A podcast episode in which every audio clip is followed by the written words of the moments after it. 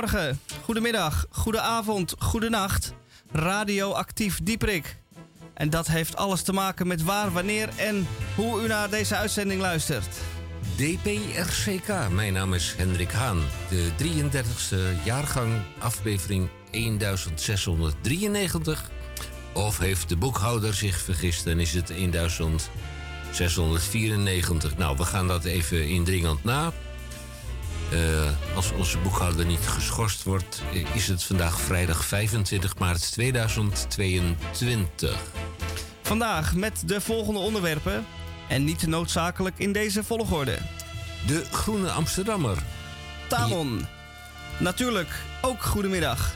Hi jongens, uh, wat fijn dat ik er ben. Uh, fijn voor jullie voornamelijk. ja, het zal wel even lekker worden. En, en ook vooral voor de luisteraars. Um, uh, actueel, achtergrond, columns en rubrieken uh, Groene Amsterdam van deze week.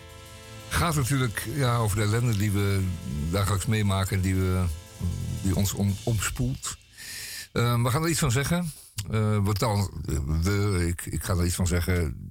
Dan citeer ik voornamelijk eigenlijk uit de Groene. Dat ik meestal doe. En vertel daarbij dat u nader kunt lezen in in de Groene. Maar een aantal dingen zal ik wel even noemen. De Groene Amsterdammer, lijfblad voor kritische geesten. Die is gelezen door Tamon J. van Blokland. Kort, ja. Nou ja, de DCVM, de column van Misha Gorgi. Hoeveel woorden, of met zoveel woorden, zijn er dat deze week? Misha? Um, het zijn uh, met pen op papier geschreven woorden. Ja. En die heb ik niet uh, nageteld. Ah. Want uh, ik word nogal eens begluurd door menige een. Dat is geen paranoia, dat is echt waar. Dus ik heb mijzelf een geheimschrift uh, ontwikkeld. Zodat ik alleen ik het kan lezen en uh, anders verder niemand. Deze uh, voormiddag nog op het terras. Want kijk, ik ken een dokter. En als een dokter ergens naar kijkt, dan zit hij of zij er al met zijn koude handen aan. Maar het handschrift van Misha is nou nog erger dan of als een dokters handschrift. Krompraat hebben wij ook onder de redactie van mevrouw de weduwe Den. Uh, wat staat hier nu? Het is het handschrift van Misha. Krompraat onder de redactie van mevrouw de weduwe D. Den Denderen, streepje Edelenbos. Op Urk en dan hebben wij ook EHBK. Meester Boon, even een vraag aan onze technicus uh, Misha. Hebben wij hem uh, deze week? Hij is luid en duidelijk binnengekomen. Okay. Dus wij hebben hem. Overigens zenden wij uit volgens het protocol van de Canarie in de kolenmijn.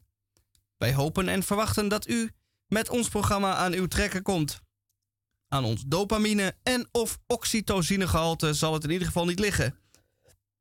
En dan de vraag: hoe is het met Sora? Hmm. Goed. Goed. Die ligt te, te dutten in de zon. Ja, ja, ik heb zo een heel klein beetje het idee.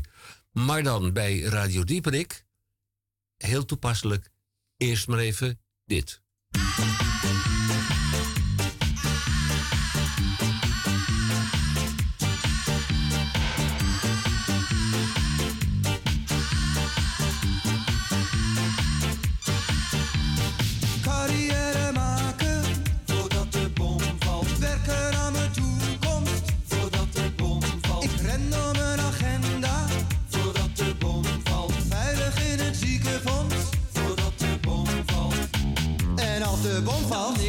Mijn nette pak. Diploma's en mijn checks op zak. Mijn polen zijn mijn woorden schaal, schaal, schaal. Auwoei, onder de flatgebouwen van de stad naast jou.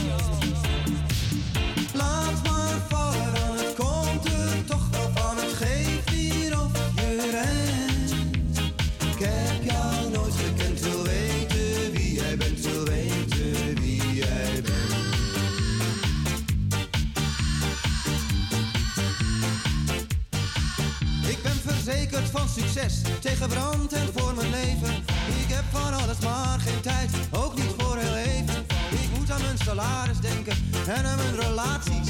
Maar liever weet ik wie jij bent, voordat het te laat is. Want als de bom Dan lig ik in mijn nette pak. Diploma's en mijn checks op zak. Mijn polen zijn mijn woorden schaal, schaal. Auwoei, onder de flatgebouwen van de stad naast jou.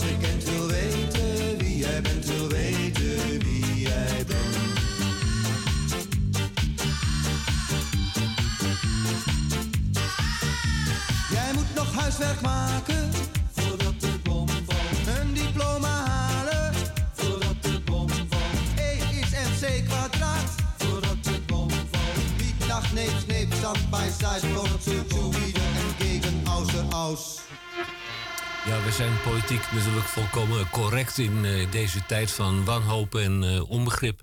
Wat ik helaas eh, niet vermeld heb, is dat wij een klein item hebben over post. eh, Gemeenteraadsverkiezingen 2022. En ook niet dat Tamon J. van Blokland vandaag zich buitengewoon heeft uitgesloofd. Of was dat gisteren of eergisteren? Hij heeft een gast van de week binnengesleurd. Ja, die is overdrijven. Dat is Nou ja, een gast die, die, overdrijven. die stond al langer op de rol. En eh, eerst was er geen kandidaat voor, maar er is toch een enthousiaste kandidaat vandaag, eh, Johanna, van de Voorleesexpress. En dat gaan we straks horen in het tweede uur. Van Radio Dieprik. Ja, het tweede uur van Radio Dieperik. De uitzending van Radio Dieperik op Salto. Op vrijdagmiddag, tussen 2 en 4. Waarvan akte? Jawel. Op welke frequenties moet het ook nog bij? in- in minuut dat weet u wel, want u luistert nu. Dus dan Ja, dat... heeft nou, dan geen zin als, kijk, om het nu te zeggen. ik- het is kijk. op, dat, op, op zoveel meter, megahertz, millihertz. Want u uh, luistert, u hoort het dan niet. Het is zo zinloos. Nou ja, als je niet luistert, dan hoor je natuurlijk helemaal niets. Nee. Maar ja, dan valt het je aan jezelf te verwijten dat je te lamlendig was om even de radio aan te zetten. Als er niemand luistert, heeft deze uitzending dan wel bestaan? Dan gaan we nu een kopje koffie drinken buiten in de zon. Ja, uh, suiker en melk. Ja, graag. Uh, en uh, jij, Misha, hoe uh, wens jij deze kleine... Hoe, hoe, heeft u koffie? Hoe drinkt u Eh, koffie? melk en een flinke scheut cognac. Ah, 0,0 ja. cognac, sorry. Oh ja, 0,0, ja. ja. Met, alleen, een, met alleen de geur. Oh, hier geur versprak ervan. zich iemand buitengewoon. Hè? En we zullen het eh, helemaal geheim houden, maar 0,0 cognac. Het is, eh, dat eigenlijk ja, wel? 0,0 is zo in tegenwoordig. We doen niet anders meer. Hey, zullen we meteen wel muziek draaien? Want het wordt anders een erg lange uitzending. Ik zag wel een advertentie voorbij komen van gin zonder, zonder 0,0. Ja, dat is het precies zo. Radio Dieprik op deze vrijdag met de volgende... Zullen we aan eh, participatie doen?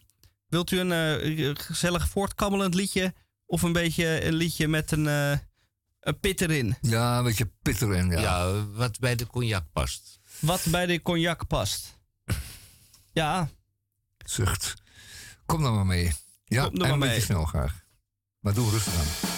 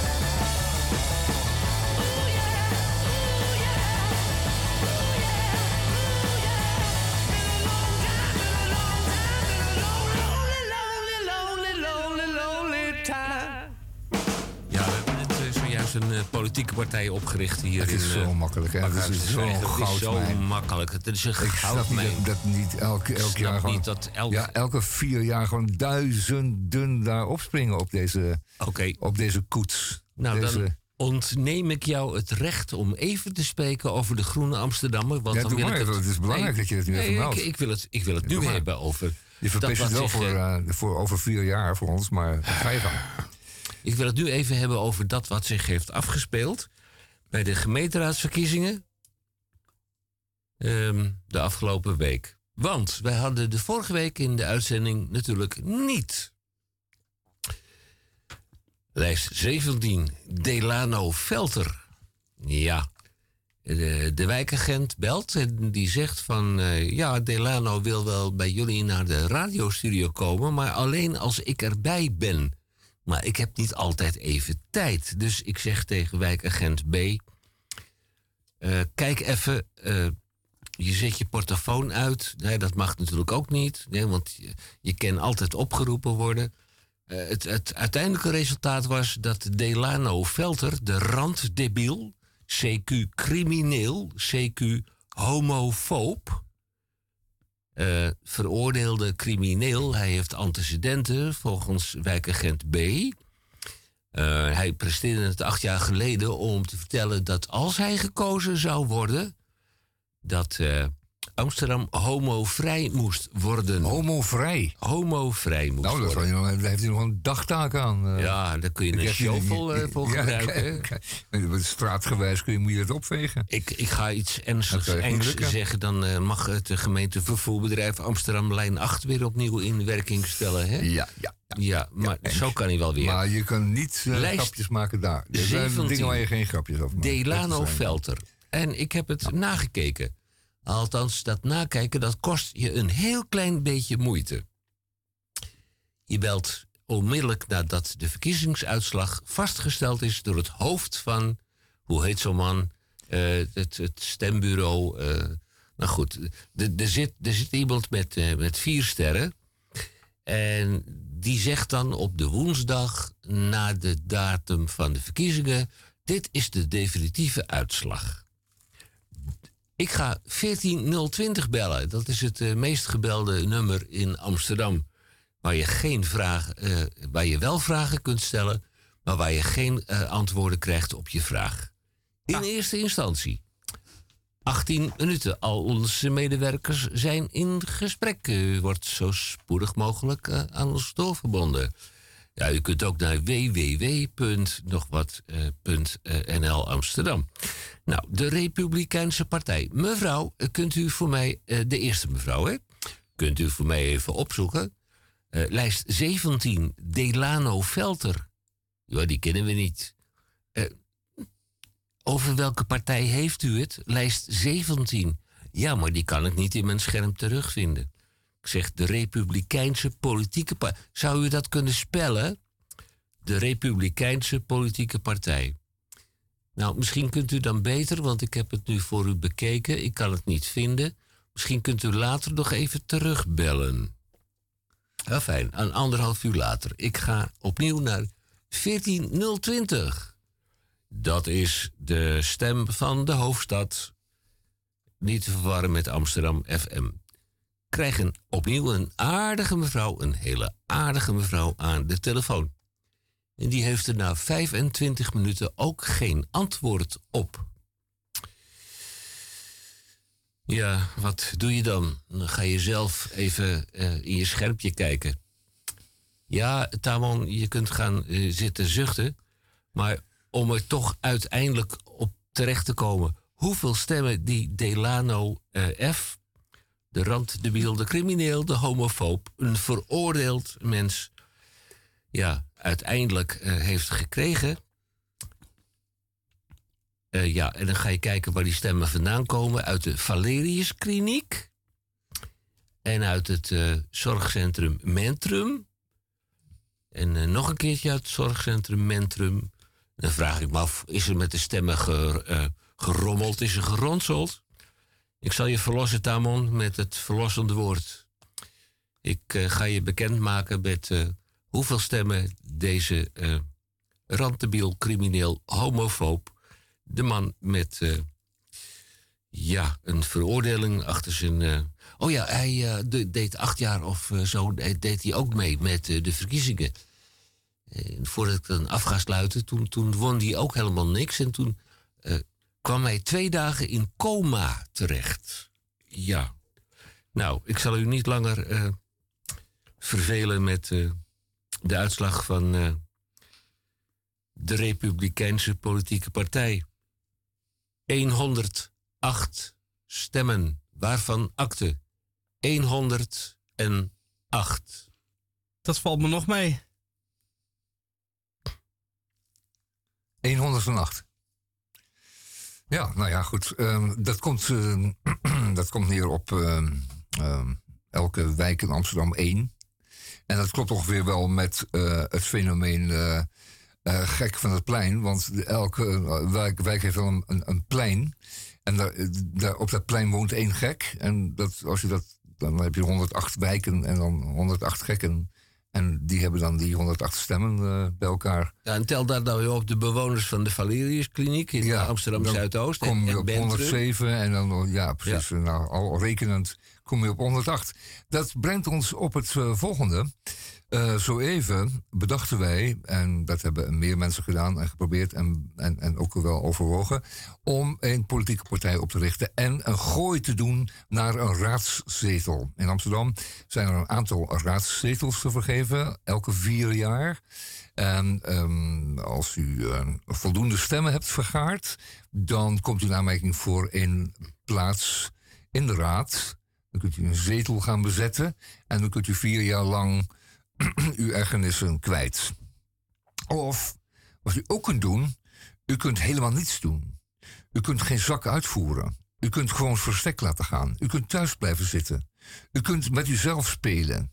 Vier jaar lang. En het mooie daarvan is, van het hele verhaal, is dat u daar een vergoeding van krijgt voor 1700 euro. Dus als u ooit nog een idee krijgt van hoe kom ik nou de eerstvolgende vier jaar aan 1700 euro per maand, dan is dit gewoon de oplossing. U hoeft dus alleen maar die raadzetel te veroveren door bij 5000 adressen aan te bellen en een slijmverhaal op te hangen en, een, ehm, en dan een stem te vergaren van een van de gezinsleden die u achter de voordeur aantreft.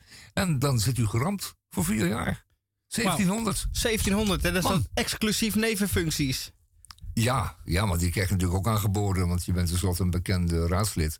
En je kunt je laten omkopen, je kunt, eh, ja, er zijn allerlei mo- mogelijkheden dan nog. Het, is, het, is, eh, het is echt eh, fantastisch wat je dan allemaal aan, mogelijkheden krijgt eh, geserveerd. Een, een fantastisch voorbeeld, onze vriend Erik van den Burg. Ja, die is nog wel, ons- die is helemaal naar boven gevallen, notabene. Die heeft, eh, die moet heeft even tijdelijk de vluchtelingencrisis doen, maar daarna kan die... eh, de ouderenzorg in Amsterdam over, Jawel. over zeep geholpen. ja, dat maakt helemaal niet uit, man. en Zeeburger Eiland eh, bestempeld als een ontwikkelingsgebied waar 5000, eh, 500 woningen moeten worden gebouwd. Ah. Ja, tot ja, 123 ja, ja, ja, meter ja, ja, hoog ja, ja. in een torenflat. Jawel, jawel, jawel. Ja, nou ja, kijk, het kan Geef ook de man maar van alles de schuld. anders. eh, ja, nou, en dan is hij toch Feit om- is dat hij het eh, hij ook heeft begrepen. Ja. Hij heeft het begrepen. Ik ga dit eh, onderwerp afsluiten met Een een, mooie gladde babbel. met een droef bericht. En kijk eens wat je kunt bereiken. Met een droef bericht. Ja? Want eh, onze geliefde Wil van Soest, die hadden we graag vandaag van de oudere partij, Partij voor de Ouderen, sinds 2013, Het is echt oud, hè? ja, 85 jaar. Ja, die hadden we graag vandaag even in de uitzending gehad. Ik wilde haar vragen om eh, te verklaren waarom zij niet verkozen is, want in 2022 kreeg zij eh, zoveel eh, minder stemmen dat ze, want ze zit in de Amsterdamse gemeenteraad, ze zat in de Amsterdamse gemeenteraad sinds 2013. Ze werd herkozen in 2018. En ze is niet eh, herkozen. En, en dat betekent dat eh, ze is nu een heel klein beetje aan het bijkomen van alle emotie.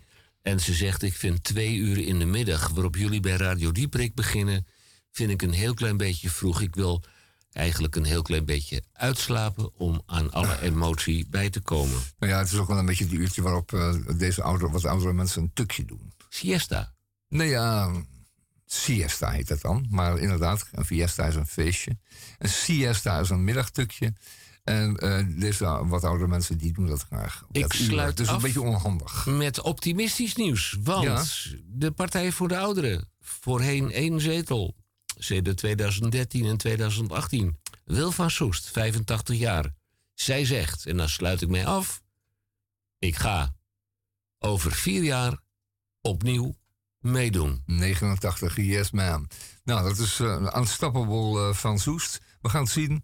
Maar dan zal ze moeten con- concurreren met onze, onze partij... die tegen die tijd toch ook eh, een, flinke, een flinke bal in de lucht gaat, gaat, gaat houden. Ja hoor. Ehm, mag ik overgaan naar het serieuze werk? Of zullen we eerst... Nee, godsnaam eerst wat muziek. Hemelsnaam. My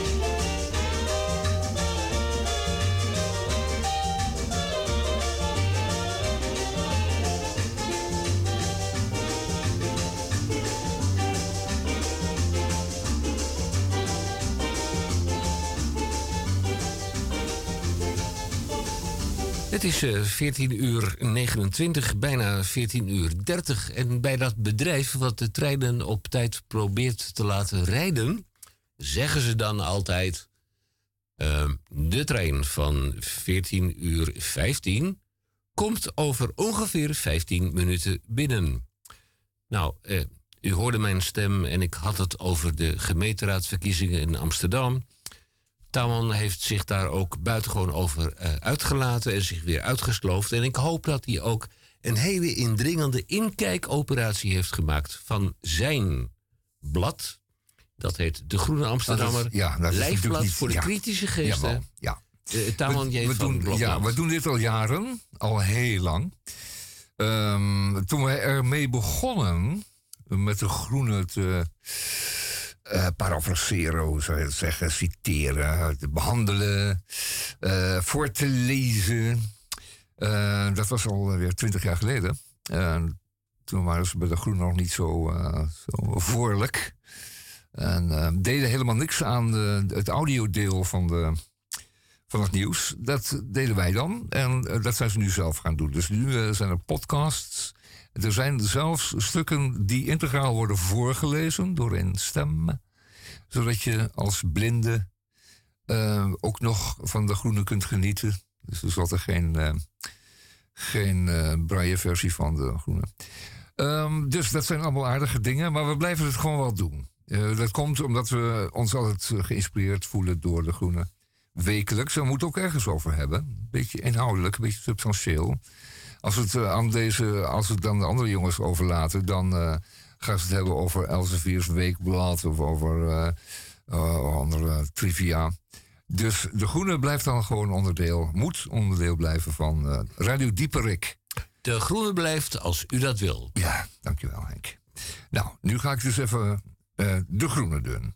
De, hè, de gemeenteraadsverkiezingen gaan we helemaal niks aan doen. Want het was een, een lege, een, een, een eh, volle doos in een, eh, nee, het was een lege verpakking. Ja, dat zou je kunnen zeggen. Een lege verpakking. Ik was zelf eh, voorzitter stembureau eh, vorige week woensdag. En zag het allemaal voorbij komen. En ik vind het erg belangrijk dat mensen komen stemmen. En ik vind het ook heel erg belangrijk dat dat vrijwillig geschiet. En niet zo eh, als vroeger eh, verplicht. Want toen was het inderdaad zo dat er 90% kwam opdagen. En eh, die deden dat allemaal een beetje zo wat hun, wat hun ouders hun voorschreven. Dat CDA in veel gevallen. Die stemmen dan KVP, omdat dat nou eenmaal in het gezin het gewoonte was. En ehm, dat hield ook niet over. Of PvdA.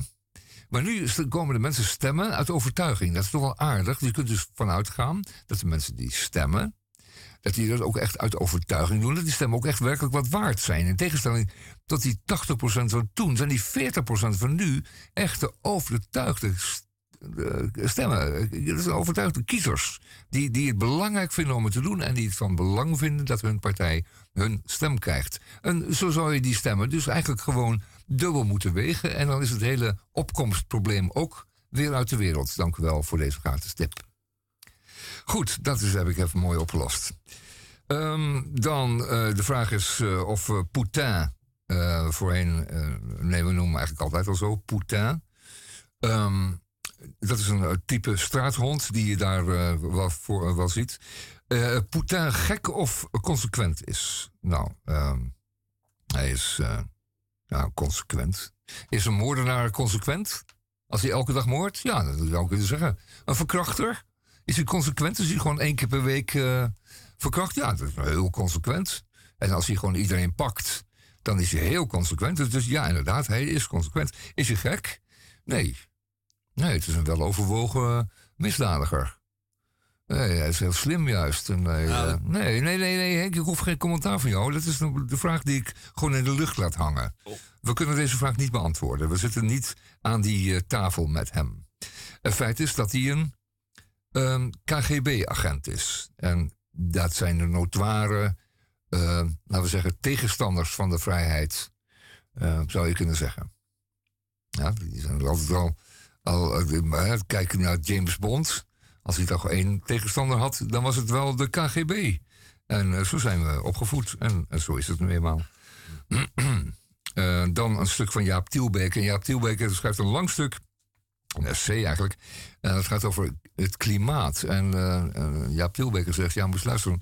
Wat is nou het belangrijkste en wat is nou het aller, eh, het meest urgente probleem wat we hebben hier in de wereld? Is dat het uitbreken van een oorlog?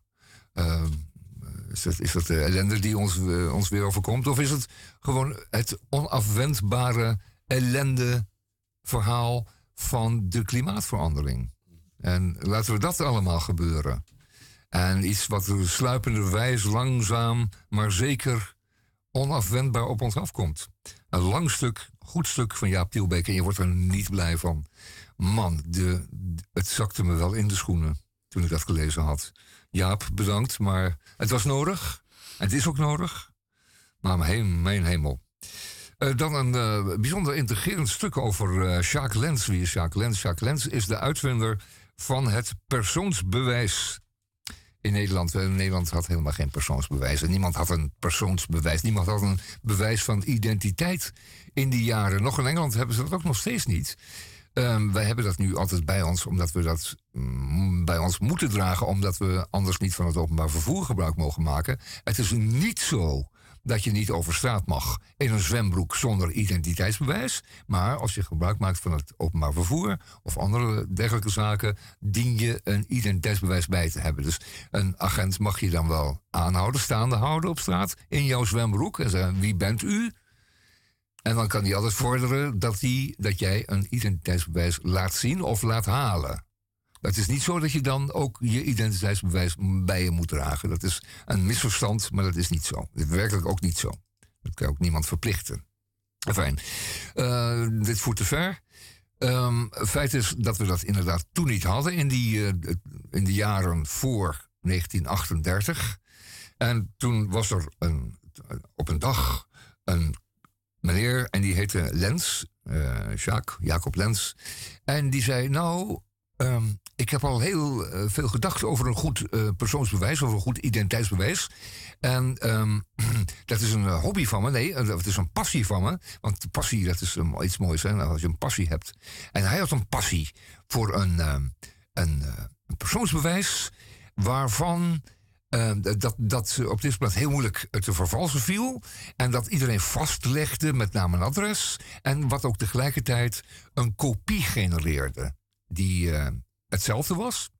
En die ergens opgeslagen kon worden. Dus dan had je altijd een heel register van alle persoonsbewijsdragers. Dus dat bestond ook voorheen niet per persoon.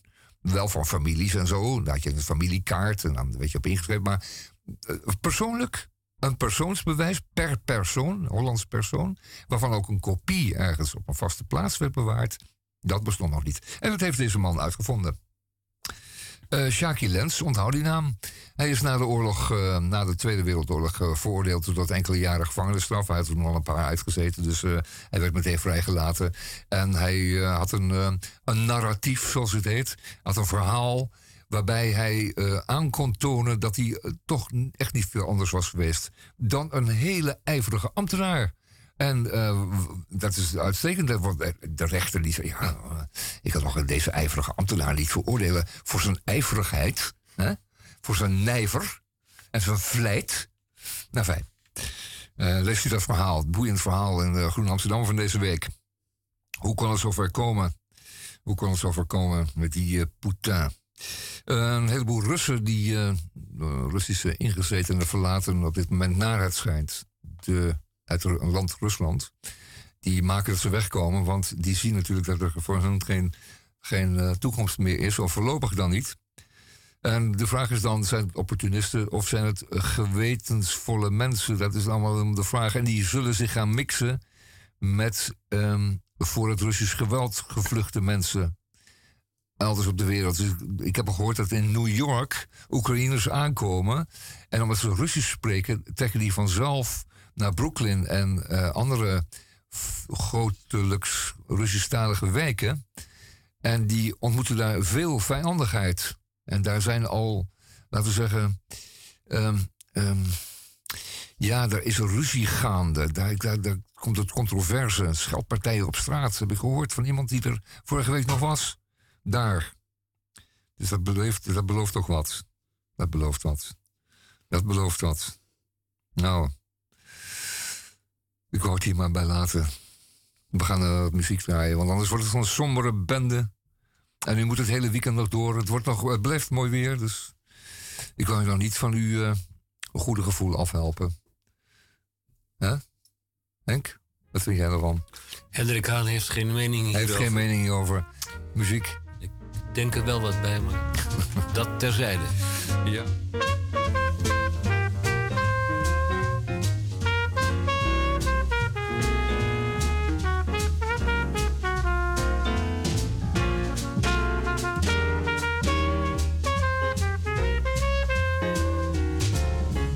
Saw you last night, got that old feeling.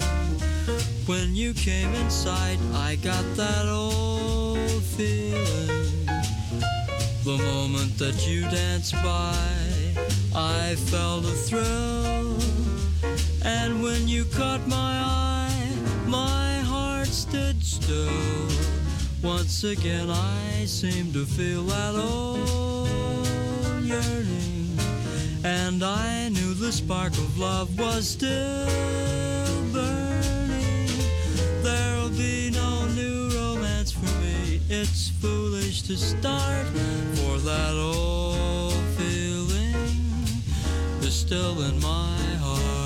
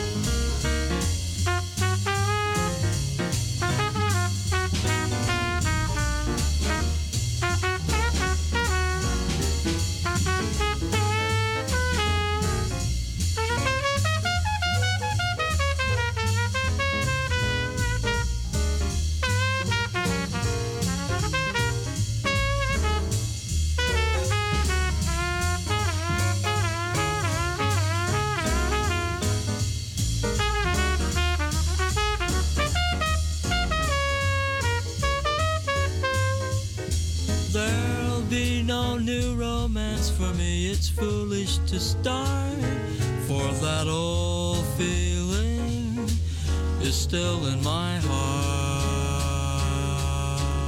Eh, bij ons in eh, Radio Dieperik, want eh, als het goed is luistert u daar nog steeds naar. Maar ik zou me kunnen voorstellen dat u vanwege de monologen bij ons in de radio koffie en of thee aan het zetten bent en denkt van ah, ik heb nog iets anders te doen. Ik ga even de plantjes buiten water geven of, ja, of eh, eh, iemand anders begieten. Dat zou zomaar kunnen. Goed, niet in de vertraging bij Radio Dieperik. En hij gaat er is helemaal goed voor zitten, rechtop en denk aan je ademhaling. Vanuit de onderbuik, adem in, adem uit, adem in, adem uit. De DCVM, dat was een lange introductie van de column van Misha, Misha Gorgi. Mijn zondag begon vroeg. Te vroeg, als u het mij vraagt. De wekker loeit zijn verachtelijke deuntje al om zeven uur. Onmenselijk. Maar voor een groter doel. Vandaag start de opname van mijn nieuwe lied. De oplettende luisteraar heeft in de vorige uitzending een ruwe versie van dit deuntje gehoord. En na de laatste hand gelegd te hebben aan de juiste tekst en de vier akkoorden tot in den treuren eh, herhaald te hebben, ben ik er volledig klaar voor. Ik sta op het Centraal Station, spoor 3B. Ik wacht op de Intercity naar Rotterdam. Op een rollend reclamebord zie ik een boodschap van een tv-zender. De klassieker. Natuurlijk ook bij u. Ook op je mobiel. Dat is waar ook. Vandaag wordt de klassieker gespeeld. De voetbalwedstrijd Ajax-Feyenoord. Dat wist ik al. Maar het is toch jammer om hier weer aan herinnerd te worden. Ik zal deze wedstrijd van het jaar moeten missen, omdat ik nou eenmaal zo nodig de treinreis naar Rotterdam moet maken om daar een lied op te nemen. Het is nou eenmaal zo. De treinreis is niet noemenswaardig.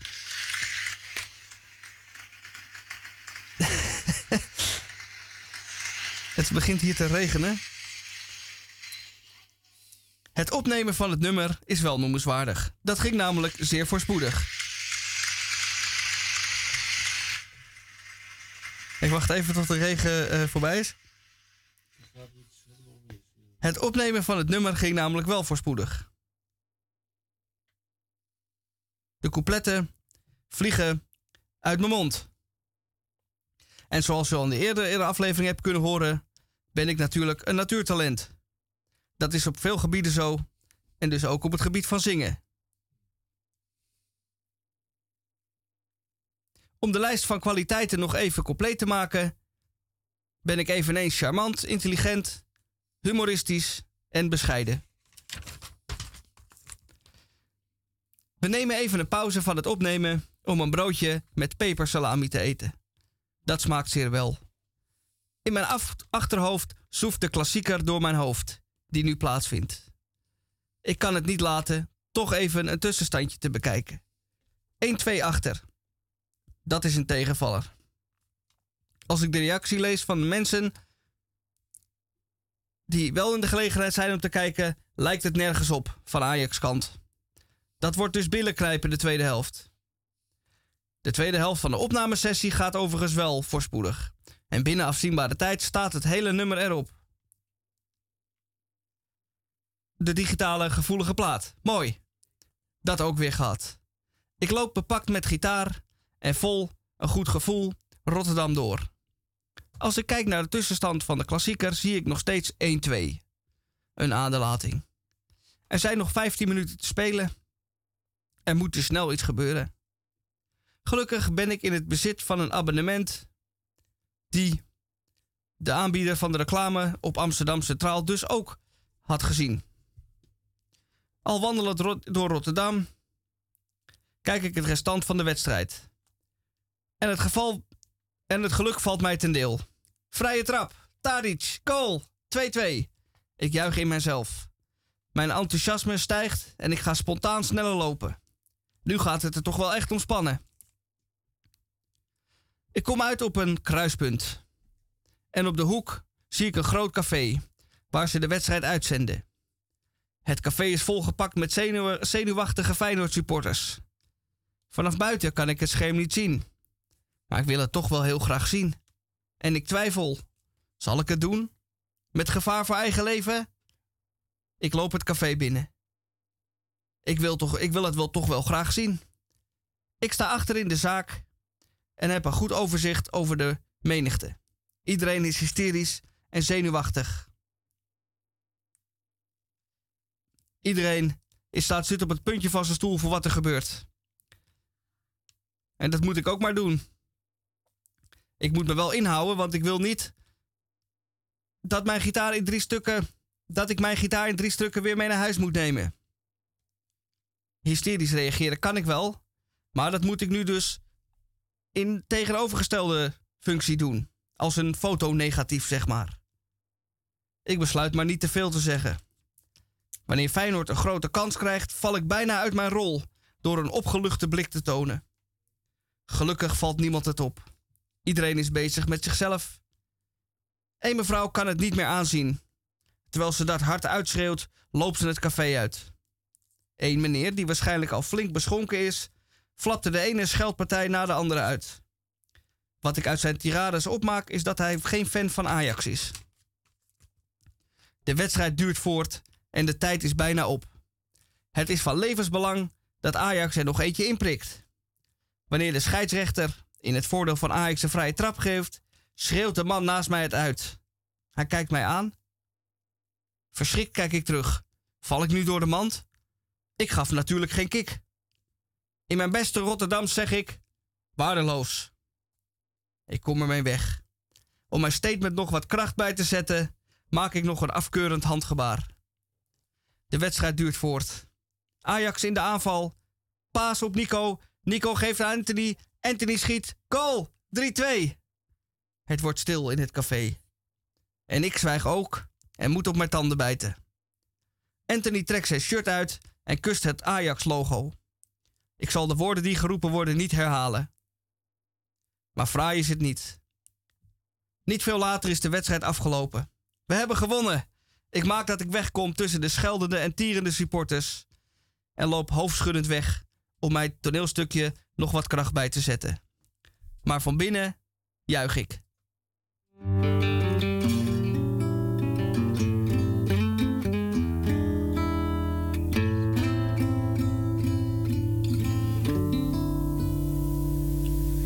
Here I am lonely, tired and lonely, crying for home in vain. Just like a butterfly that's caught in the rain,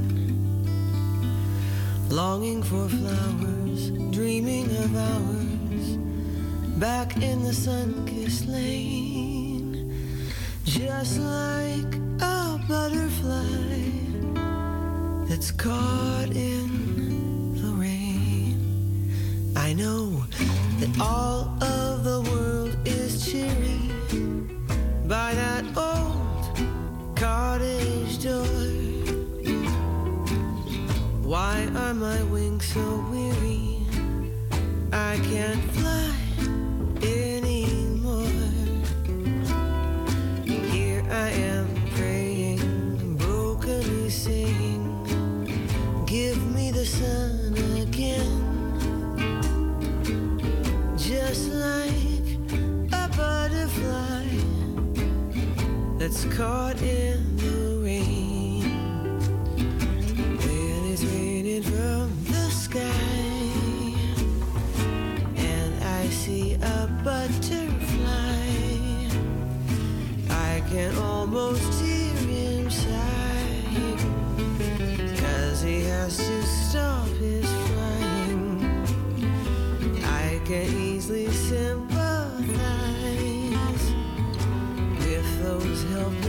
butterflies.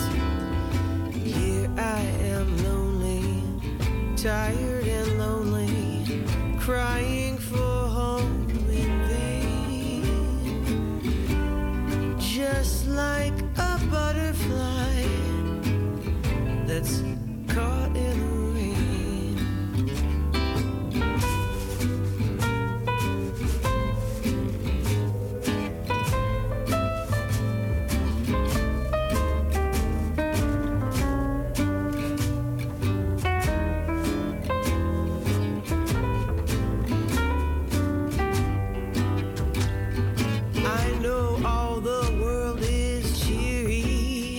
by that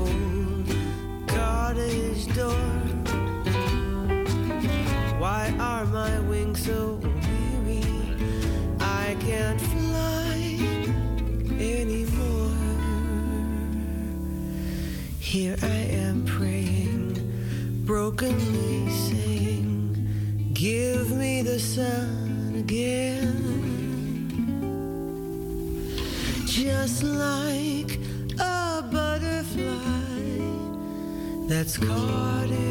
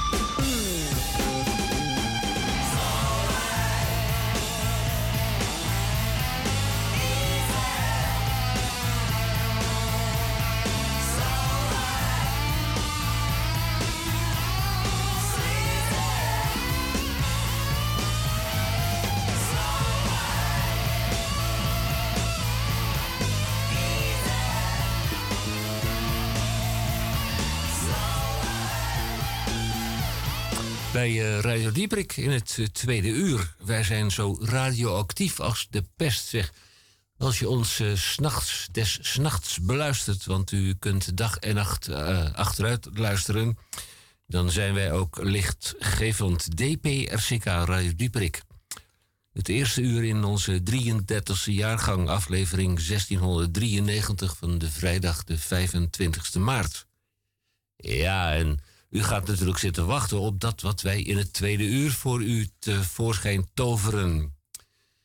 Ik hoop geen slaapwekkende verhalen, maar wij hebben een dame, een jonge dame van de Voorlees Express. Dat doet ze ook expres en het heeft een educatief karakter. Johanna Reuten en zij gaat in het tweede uur van Radio Dieperik tot twee decimalen achter de komma vertellen welke verhalen verantwoord te zijn bij welke leeftijd. Welkom in de uitzending, dames. Dankjewel. Het zijn er twee. Mm, zo zeg je eh, nee, zo krijg je er twee. bij Radio Dieperik aan het einde van ons eerste uur. After karate, section 2, take 1.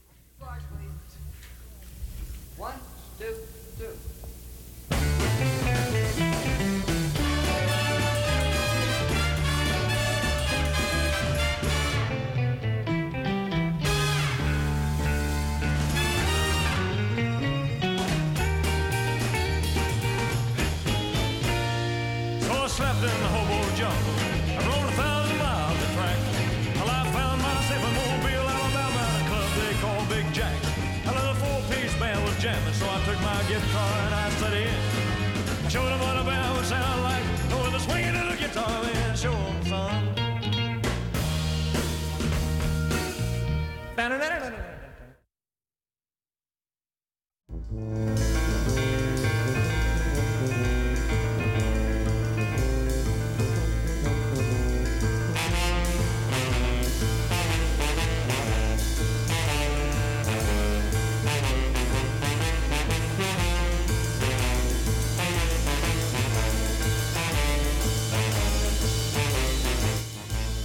In de afdeling veelgestelde vragen bij eh, DPRCK. Waar komt die muziek nou toch vandaan? Ja, dat is het staforkest van het Leger des Heils in Nottingham in het Verenigd Koninkrijk.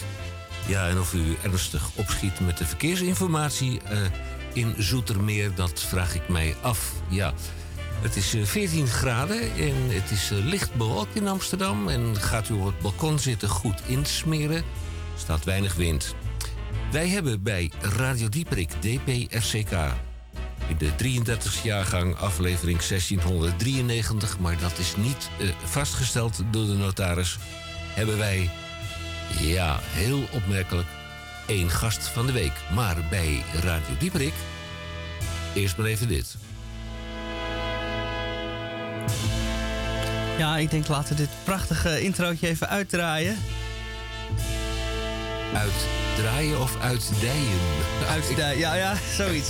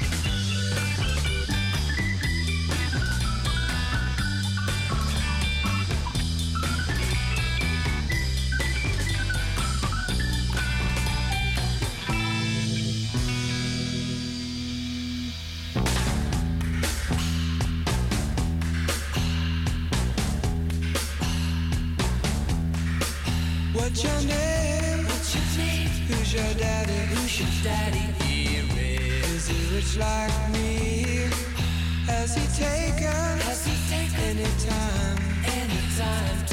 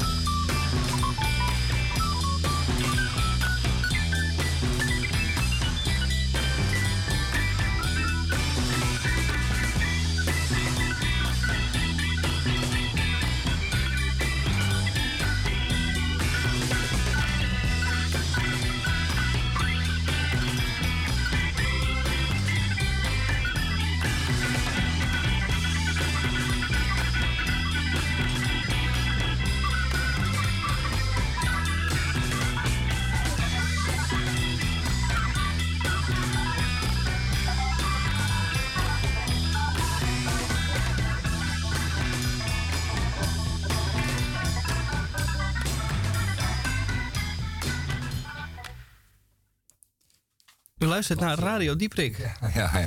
Wat, eh, wat Michel zei, voorjaarsmuziek.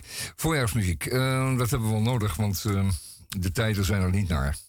Wel, wat, waar het wel naar is, waar we wel naar zijn, dus de tijden. Ehm, Radio Dieperik hier heeft een gast en dat is in dit geval Johanna Reuten. En Johanna Reuten is van de Voorleesexpress. Enige tijd geleden, toen zag ik een oproep eh, verschijnen ergens op mijn, eh, weet ik veel, ik weet niet precies meer, mail of zo, ik weet niet zomaar. En eh, waarin gevraagd werd eh, of er mensen waren die zouden willen voorlezen, voorlezen aan kinderen die dat nodig hebben. En eh, je denkt van, nou, dat hoeft toch helemaal niet. Die hebben toch allemaal ouders en die hebben ze broertjes en zusjes die ze voorlezen. En het voorlezen van een kind is wel een van die aardige dingen die je kunt doen als ouder. En is eigenlijk niet nodig moeten zijn dat dat door derden gedaan wordt. Maar dat is een opvatting die eh, de Voorleesexpress niet heeft. Het is een eh, organisatie die in eh, meerdere steden en dorpen in eh, Nederland eh, ehm, bestaat. En deze organisatie die opereert hier in Diemen en hier in Amsterdam. Ehm, ik heb me aangemeld, eh, ben voorlezer geworden, zal ik straks wat van vertellen. Maar eerst gaan we eens vragen, wat is de Voorleesexpress? En Johanna, wat is jouw functie daar? Ja. ja, sinds vorige week zitten we ook in Weesp. Dus eh, dat is er nu natuurlijk bijgekomen. Eh, ik werk er nog niet zo lang, sinds februari. Dus ik zit er nog helemaal vers in.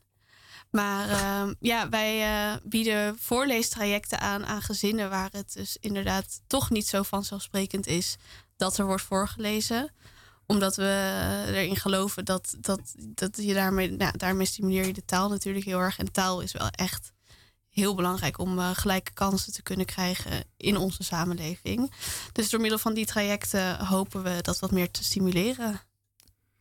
En het, het voorlezen aan zich, het, het gewone voorlezen, taal, het stukje, het, dat doet, dat doet de, de taal groeien bij deze kinderen. Horen ze dan verder die taal niet in huis? Ik bedoel, er wordt toch gesproken, er wordt... eh, eh, Ja, dat verschilt. eh, ze hebben vaak oude- oudere zusjes en broertjes die, die op school zijn, die met hun verhalen thuiskomen. Of is dat jou juist iets wat echt nodig is? Ja, het is zeker nog nodig. Inderdaad, op school wordt er natuurlijk eh, Nederlands gesproken. Maar vaak wordt er in veel, in veel gezinnen wordt er thuis dan de moedertaal gesproken.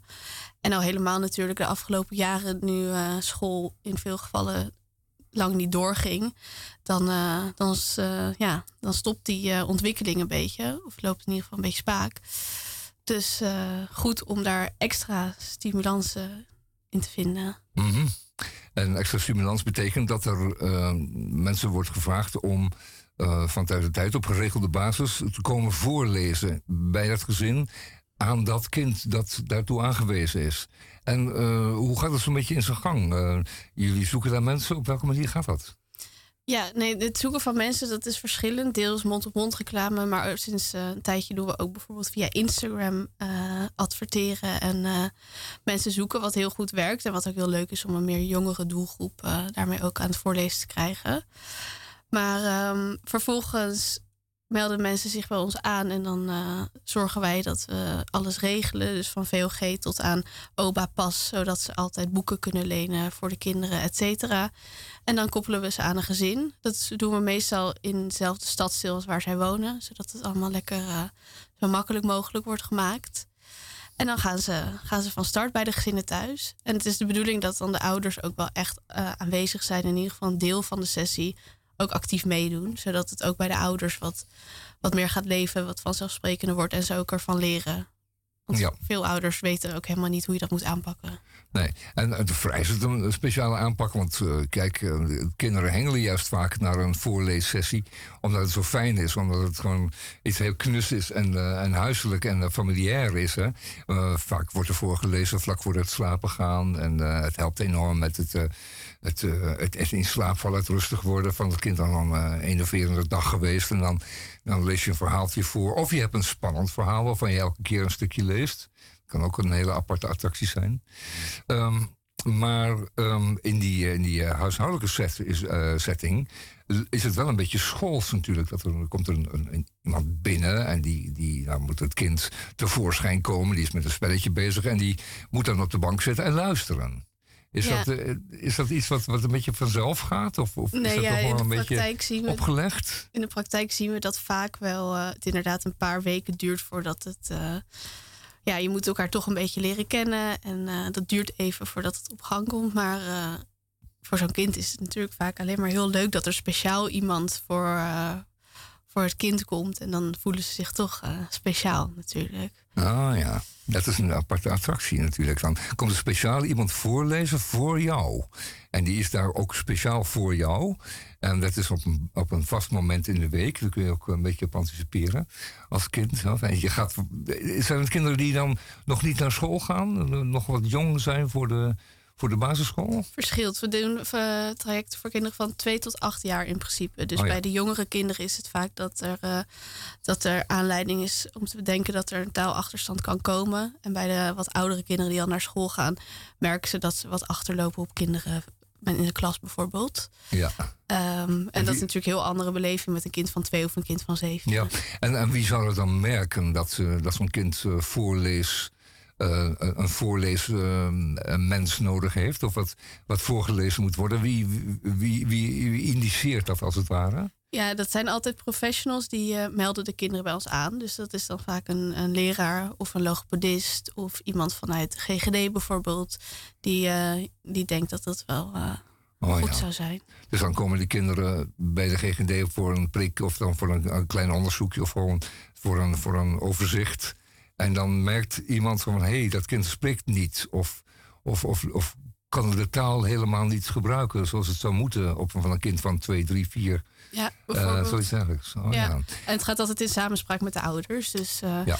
dan bespreken ze dat en dan eh, beslissen ze samen dat het goed is. En, Ja, want de ouders moeten het ook goed vinden. Hè? Want je bent als vreemde toch, in een, toch zomaar in een familiaire setting. eh, Eh, je komt binnen bij gezinnen bij wie het niet zo gewoon is dat er eh, vreemden over de vloer komen. Ehm, dat heb ik althans zelf gemerkt. Dat het nog wel enig, eh, laten we zeggen, enige um, kostte om mij zomaar op hun bank te laten zitten, zomaar een plek in dat huis te, te, te, te laten eh, innemen. En om het kind als het ware van hun af te nemen voor een uurtje. Ik, ik heb eh, een voorleeskind waarbij, ehm, laten we zeggen, eh, pa en ma eerst heel erg ongemakkelijk waren met, met mijn aanwezigheid daar. ja. En, eh, en het is pas nu, na, na een keer of zes dat ik daar geweest ben in dat gezin, dat het een beetje ontspannen wordt. Het is toch wel een beetje dan nog een, een barrière. Ja. Maar ik moet wel zeggen dat het kind steeds, ste- steeds fijner blijkbaar vindt dat ik kom. En dat we bepaalde boekjes gaan lezen. En Dat we, dat we een, een, een speciaal boekje lezen. Er zijn, jullie, jullie geven als Voorleesexpress de voorlezer een aantal boeken mee. Eh, je zei zo even, eh, je krijgt ook eh, als voorlezer een bibliotheekpas. Eh, waarbij je kinderboeken kunt gaan lezen, eh, kan, kunt gaan lenen in de bibliotheek, zodat je een lekkere voorraad hebt met eh keuze. Je kunt ook met het kind naar de bibliotheek toe gaan en daar samen iets uitzoeken. Hè? Ja, wat, wat leuk is, een bepaald prentenboek met, met een leuk verhaal of iets wat de kinderen gewoon al, al aanspreekt. Ehm, eh, ik noem een speciaal een figuurtje als Nijntje voor de hele kleintjes. Dat is Altijd een eh, goed. zeer, ja, dat is altijd goed. Het is een zeer aansprekelijk eh, figuurtje, wat ze, waar ze zichzelf heel snel in herkennen. En ehm, ik moet zeggen ehm, dat, eh, dat ik nu, dat het kind nu klaar zit. Het zit nu klaar ehm, om, om mij te ontvangen, om, om, om voorgelezen te worden. Ja. En eerst eh, was het nog wel een, een, een 10 minuten, 15 minuten onder de, onder de tafel. eh, voordat het zover was dat ze naast me kwam zitten om, eh, om te luisteren. En ook van de ouders eh, vergt het wel enige aanpassing. Ja, zeker. ja, je Ehm, moet echt aan elkaar wennen. ja, en inderdaad, ja. maar wat je zegt, na een aantal keer dan. eh, Ja, dan gaat het, echt helemaal stukken leven. beter. Ja. Ja. en dat hadden jullie allemaal gewaarschuwd. Dat het enige aanpassing zou kosten. En dat het eh, wel even zou duren. Voordat het gewoon zou worden. Maar ik moet wel zeggen, daar hadden jullie toch wel volstrekt gelijk in. Ehm, een heel goed eh, initiatief, eh, zou je zeggen. En eh, zo eenvoudig als het is, is het ook. Ehm, ehm, mensen die zelf kinderen hebben eh, gehad, kleine kinderen hebben gehad, die, die weten hoe dat is. Die, de kinderen vinden het vaak zelf erg fijn. Die, die, die vragen erom om voorgelezen te worden. En het is een, een heel intiem moment wat je hebt met je kinderen als je dat, samen in dat verhaal gaat. Ja. En vooral ook als het iets is wat zich repeteert. En ehm, eh, het zal in, in heel veel gezinnen volstrekt normaal zijn.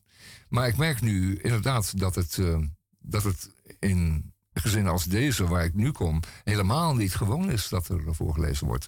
Eh, de beide ouders beheersen het Nederlands helemaal niet, eh, in mijn geval. En eh, het kind hoort dan zeker, ik doe het nu bijna een uurtje per, per week, eh, hoort dan eigenlijk eh, continu Nederlands, Ja. zoals het gesproken wordt in Nederland. Ja, dat En, is eh, supergoed. ja. En ook, ook al zouden ze niet voortgaan inderdaad met, met het lezen in het Nederlands. Het feit dat ze misschien bijvoorbeeld dan in de moedertaal gaan lezen. En het dus een beetje gaat leven. En er meer überhaupt met taal bezig wordt gegaan. Dat is ook al enorme winst binnen zo'n gezin natuurlijk. Ja, dat lijkt me wel. En ik, ik hoop ook, ik betrek de moeder er ook bij. Ik, ik, ik zeg, ah, ik, nou, mag ik, ik mag wel over mezelf praten, want ik ben natuurlijk een beetje ervaringsdeskundig. Lees je zelf ook voor? Nee, nog niet. Ga ik binnenkort doen. ga je doen. Ja. Ehm, eh, maar ik merk nu dat er, als je de moeder erbij betrekt, dat ze dat dan ook leuk vindt. Maar vindt het moeilijk.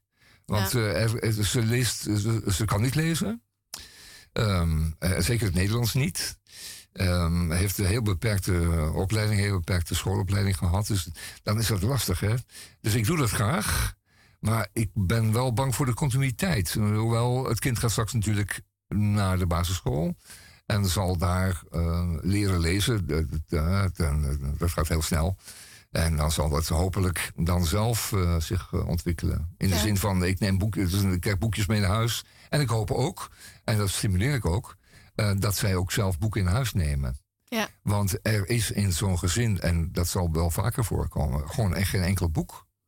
Er is geen boek, er worden geen boeken gelezen. Er liggen geen boekjes klaar. Nee, en daarom beginnen wij inderdaad ook altijd met die, wat wij de starttas noemen. Ja. Waarin dan een aantal boeken zitten die het gezin mag houden. Zodat er inderdaad al wat boekjes zijn. Dat, is heel fijn. Ja, dat is heel leuk. Dat En wordt heel, erg gewaardeerd. Ja, gelukkig. Ja. Ja. En inderdaad daarna inderdaad toch een keer samen naar de OBA te gaan bijvoorbeeld.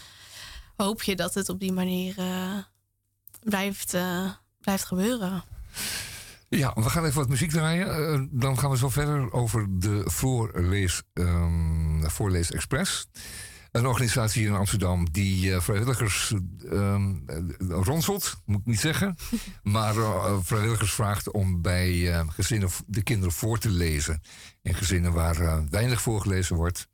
En waar het nodig is dat er een, ja, dat er een, een stem klinkt die, die dat voordoet. Dat is wel lang.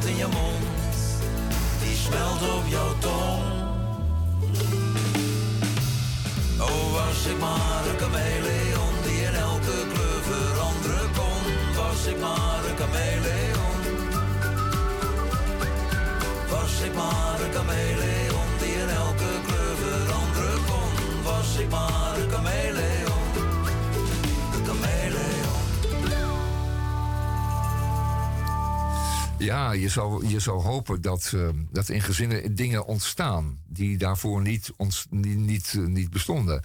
Ehm, wij, eh, wij, wij zijn opgegroeid in, eh, in de jaren, weet ik veel. Ehm, maar we zijn het gewoon dat er spulletjes waren thuis. Dat er ehm, plakpapier en vouwpapier was en potloodjes en, en, en verkleedkeren. En ja, die, als je zelf jonge kinderen hebt, dan weet je hoe dat gaat. Dan wordt je van alles aangeboden. Dan komt dus iemand aan met een doos jeugdboeken. En eh, ja, die hebben dan, dat wordt zo'n beetje doorgegeven. Een beetje traditie in Nederland. En eh, het zal wel elders ook wel zo zijn. Ik kreeg van een eh, vriendin in Amerika een prachtige lijst met, eh, met voorleesboeken. Helaas allemaal in het Engels. Maar misschien ga ik dat ook wel doen. Misschien gooi ik er wel gewoon een paar Engelse eh, jeugd- of eh, voorleesboeken tussendoor. Gewoon om, om de taal beetje af te. Ja, een beetje af te wisselen. Om de taal te laten ronken gewoon in het huis. eh, voorlezen. En eh, wie weet wat zo'n kind er dan weer allemaal oppikt. Nou, fijn. Het is eh, voor de voorlezer heel leuk. Ik zou iedereen willen aanraden om dat eens te proberen. Het is een vrijwilligerstaak. Dus ehm, u kunt daar niet anders dan uw eigen genoegen aan voor ontleden. Ehm, eh, en dat is groot. Ehm, en eh, ik geloof dat de Voorlezer Express altijd wel goede voorlezers kan gebruiken. Zeker. Ja, ja. ja. dat hoor ik al. Ja, gelukkig zijn er heel veel mensen die het eh, doen, Ja. blijven doen en weer nieuw komen. Maar er zijn helaas nooit genoeg voorlezers. Ja. ja, het is ook iets wat je even moet volhouden. Je moet er even doorheen. Je moet een kleine barrière door, vaak met gezinnen die, eh, waar het niet zo gewoon is. Maar ja, als het eenmaal zover is, dan is het ook wel erg aardig. En op een zeker moment is het natuurlijk ook niet meer, eh, niet meer nodig. Dan wordt zo'n kind wat ouder en eh, komt op de basisschool.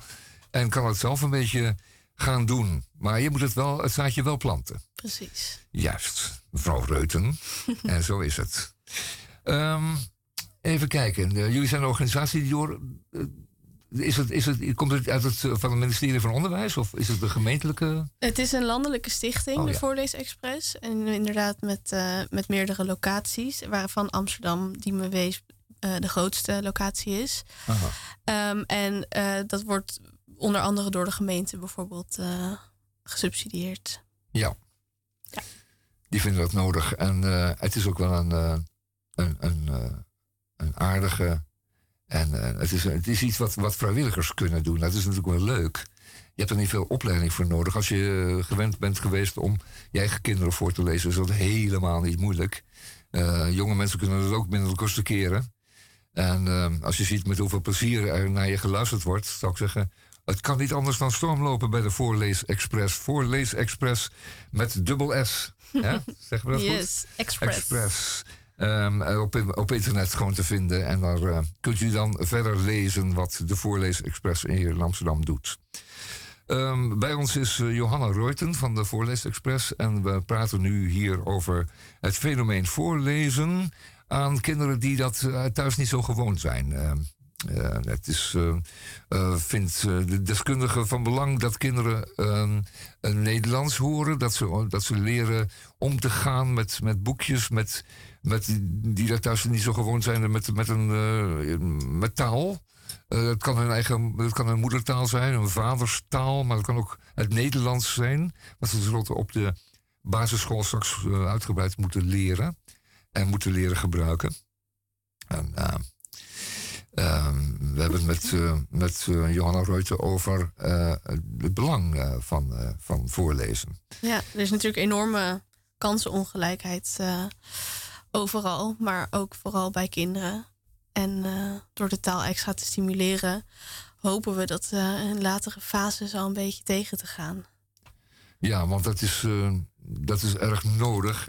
Als je niet opgroeit met boeken thuis, als er, als, er, als er niet voorgelezen wordt, of althans, dan kom je ook zelf nauwelijks tot lezen. En ontlezing of het niet lezen is een fenomeen wat, wat, waarvan de deskundigen zeggen dat komt alsmaar meer voor. Ja? Ehm, het schijnt dan wel mee te vallen als het over, eh, over adolescenten gaat. Die pakken dan wel weer een boek. Maar als je het niet gewoond bent en, en, en, en niet hebt leren ehm, eh, liefhebben, het eh, niet hebt leren van, van, van het lezen hebt leren houden, dan komt het op latere leeftijd toch maar moeilijk van de grond. Ja. En eh, dit is de manier om een onbekend fenomeen, het lezen van een boek, het voorgelezen worden, om dat te introduceren bij mensen die dat erg nodig hebben. En eh, dat ze het erg nodig hebben, dat is duidelijk. Want er wordt eh, ja, in deze gezinnen ook weinig gesproken, gek genoeg. Er wordt weinig gesproken over dingen anders dan eh, het dagelijkse. Pak dat op, ga nu slapen. Ja, het verschilt eten. natuurlijk enorm per gezin. Ja, Ehm, maar het is inderdaad in veel gevallen toch een soort stukje cultuurverschil vergeleken met wat wij gewend zijn vanuit onze Hollandse opvoeding. Ja, wij kletsen nogal veel, hè? Dat zal het misschien ook wel zijn. En eh, ja, wij vinden het belangrijk dat onze kinderen dan eh, in ieder geval goed leren spreken. En met vol zinnen. En netjes leren spreken en zo. eh. Dat ze moeten zichzelf kunnen redden onder eh, vele omstandigheden. Ja, en in veel gezinnen is, dat natuurlijk overal wordt dat gewaardeerd en gestimuleerd. Maar inderdaad, als er bij de ouders geen eh, niet genoeg mogelijkheid is om Nederlands te spreken, ja, dan wordt het lastig. Ja, ja dat, dat geeft je een achterstand eh, in je leven. Als je dat niet heel vroeg hebt geleerd. Ja, ja en dat ziet- stukje taalplezier inderdaad van jongs af aan krijgen, dat, eh, dat eh, maakt een enorm verschil. Ja, stukje taalplezier zeg jij.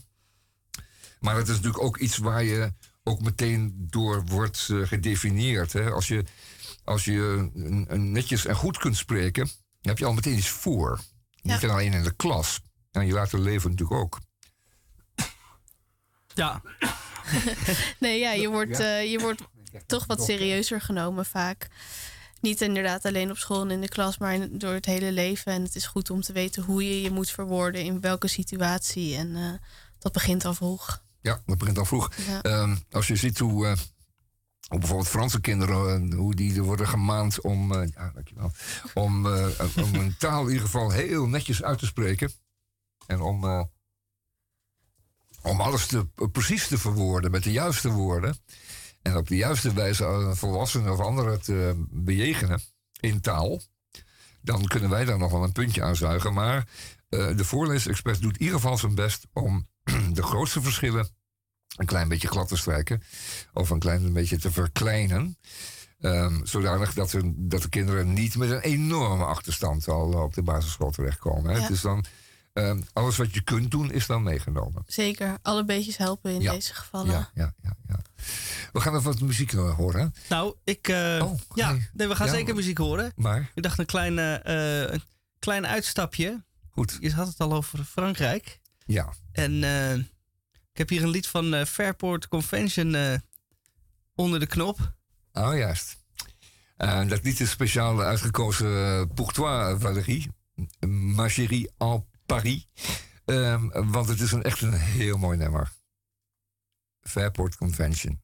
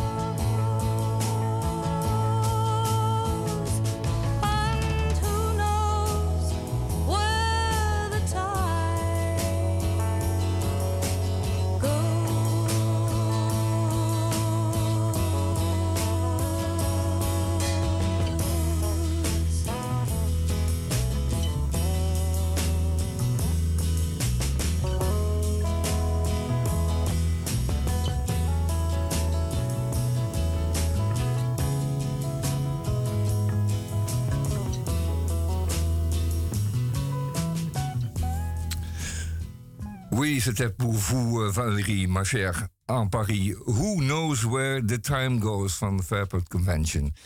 Pour toi.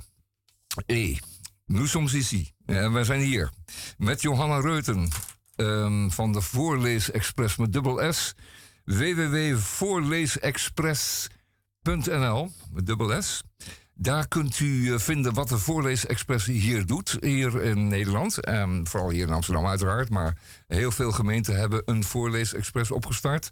Waar vrijwilligers bij gezinnen thuis een keer in de week, een half uur of wat langer, eh, komen voorlezen aan eh, jonge kinderen die dat, eh, die dat nodig hebben, die dat als het ware eh, wordt aangeraden om te worden voorgelezen, om hun taalvermogen wat eh, op te krikken, om ze beter eh, op die basisschool te laten aansluiten bij alle andere kinderen die, waar thuis vloeiend Nederlands gesproken wordt, of waar heel veel voorgelezen wordt, waar kinderen veel taalvaardiger zijn met een veel grotere woordenschat. En om deze kinderen wat ehm, te helpen daarin, is de Voorleesexpress gestart om met vrijwilligers bij hen thuis, op hun eigen bank, te midden van hun eigen spulletjes te komen voorlezen één keer per week. Dat is een eh, vrijwilligersorganisatie die, eh, die vooral veel vreugde geeft en waar dus geen winsten zijn te behalen, behalve op taalkundig gebied zou je kunnen zeggen. Ehm, hier in de studio, Johanna Reuter, zou je nog iets eh, willen toevoegen aan ons verhaal tot nu toe? Ja, je hebt het heel mooi omschreven inderdaad. En ik denk waar we het net ook al eventjes over hadden. ehm, dat het, het is voor het gezin geweldig, voor de kinderen vooral. Want eh, die komen veel beter mee. En vaak maakt het ook natuurlijk onzeker als je je niet goed kan uiten binnen school. Dus het is voor, voor hun alledaagse leven heel belangrijk. En voor hun toekomst. En vooral ook eh, voor de voorlezer die langs gaat, is het inderdaad ook een enorm waardevolle ervaring. Je haalt er heel veel plezier uit en eh, je moet even wennen. Maar als je er eenmaal in zit, dan, eh, ja, dan leer je ook als voorlezer er weer van alles van. Ja, je leert als voorlezer er ook alles van, zoals je dat zegt, eh, helemaal terecht, eh, ehm, Johanna. Want het is inderdaad heel plezierig om al wat vordering te zien. Want ja, er wordt beter geluisterd na een tijdje en, en er worden woorden opgepikt, dat merk je al meteen. Je kunt de, taal, de, de, de, taalschat, de, de woordenschat al meteen wat, eh, wat aanvullen. En, eh, en dat is natuurlijk een heel plezierig effect. En die voorlezers eh, vinden het vaak, vertelde jij, Johannes, zo even, dat, ehm, dat ze dat kunnen blijven doen. Dat is dus een, een traject zoals deze twintig keer voorlezen per kind. Ehm, eh, ook gewoon voort kunnen zetten bij andere kinderen. Dus je wordt dan als het ware eh, een voorlezer. En dat kun je dan bij het eerste, bij het tweede en bij het derde kind doen. Je kan er wel drie, per week eh, zou je er kunnen doen als je er tijd voor hebt. Zeker. Ja, en die zijn er, hè, deze mensen. Ja. Met een enthousiaste en enthousiasme voor het voorlezen. Het is, ook, het is ook leuk. Onze stervoorlezers. Ja, ja, ja, dat zijn de stervoorlezers. En, en eh, ik heb een, een oud bundeltje, een oud bundeltje van eh, Annie M.G. Schmid tevoorschijn gehaald. Waar, ik zelf uit voorgelezen werd. eh, toen ik zo klein was. En was ik zelf, eh, ik heb het nagevraagd, was ik zelf drie of vier. En die liedjes en die gedichtjes die in het bundeltje staan, die kan ik allemaal nog letterlijk woord voor woord. En dat komt omdat eh, die altijd, hoe, zeg je dat, elke keer werden voorgelezen. Maar mijn moeder stopte niet met één keer. Nee, die begon elke keer weer opnieuw. Nee, van wij- herhaling, ja. wij zeiden en die nog eens een keer, en die nog eens een keer, en die, ik ken ze nog allemaal. En het aardige was ook dat veel van die liedjes ook op eh, muziek gezet zijn. Ja. Dus daar hoort dan ook een melodie bij. En zodanig dat je dus dat versje ook kunt zingen.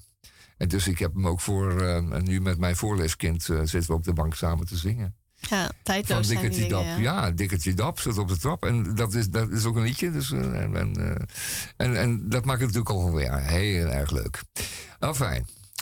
Ehm, Johanna, we hebben het eh, over voorlezen gehad.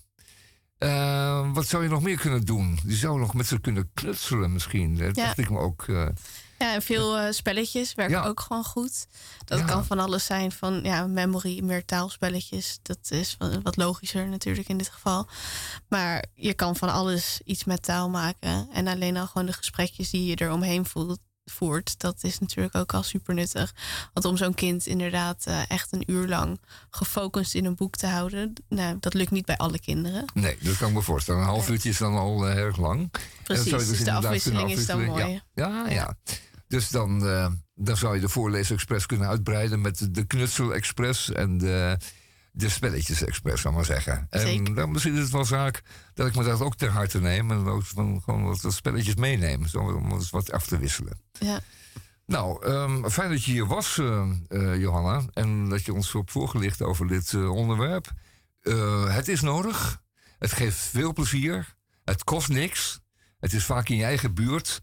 En doet je ook weer eens gewoon denken aan hoe je zelf zo oud was ooit.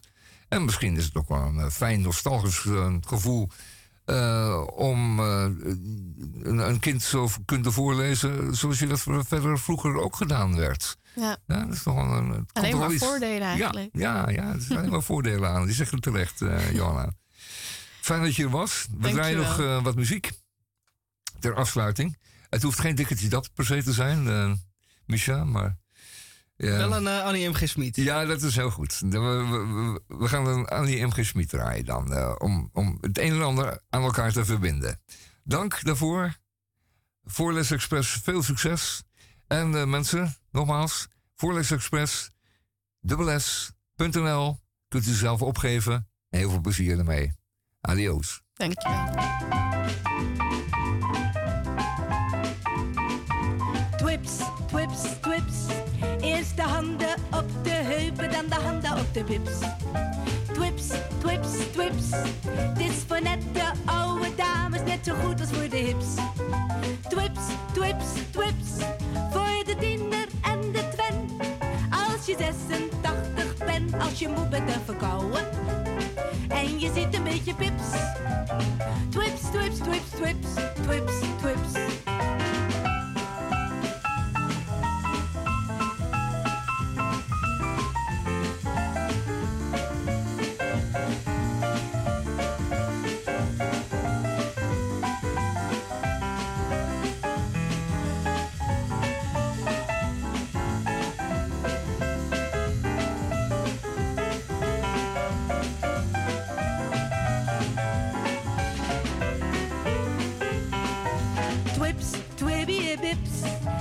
je benen in de hoogte en je handen op de bips. Twips, twips, twips. Val niet over de piano, anders kom je in het gips. Twips, twips, twips.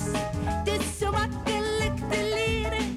Ook voor middelbare heren als je krakerig en oud bent. En je ziet een beetje pips. Twips, twips, twips, twips, twips. Twips,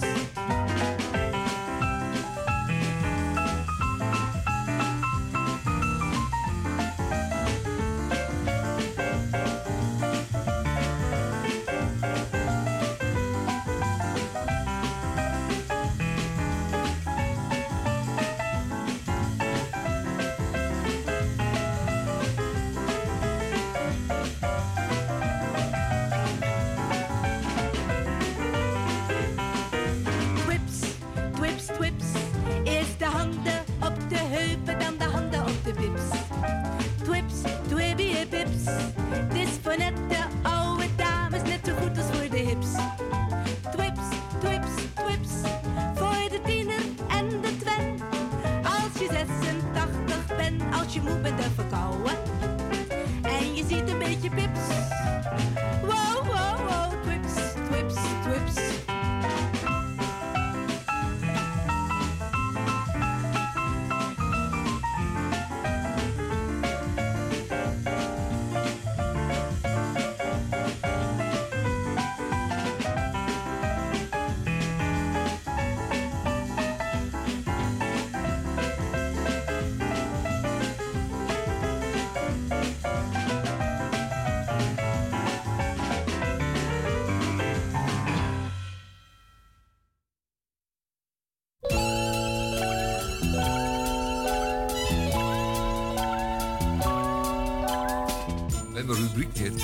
Luistert naar Radio Dieprik. En u herkent dit muziekje natuurlijk wel. Als de krompraat. Twee woorden één.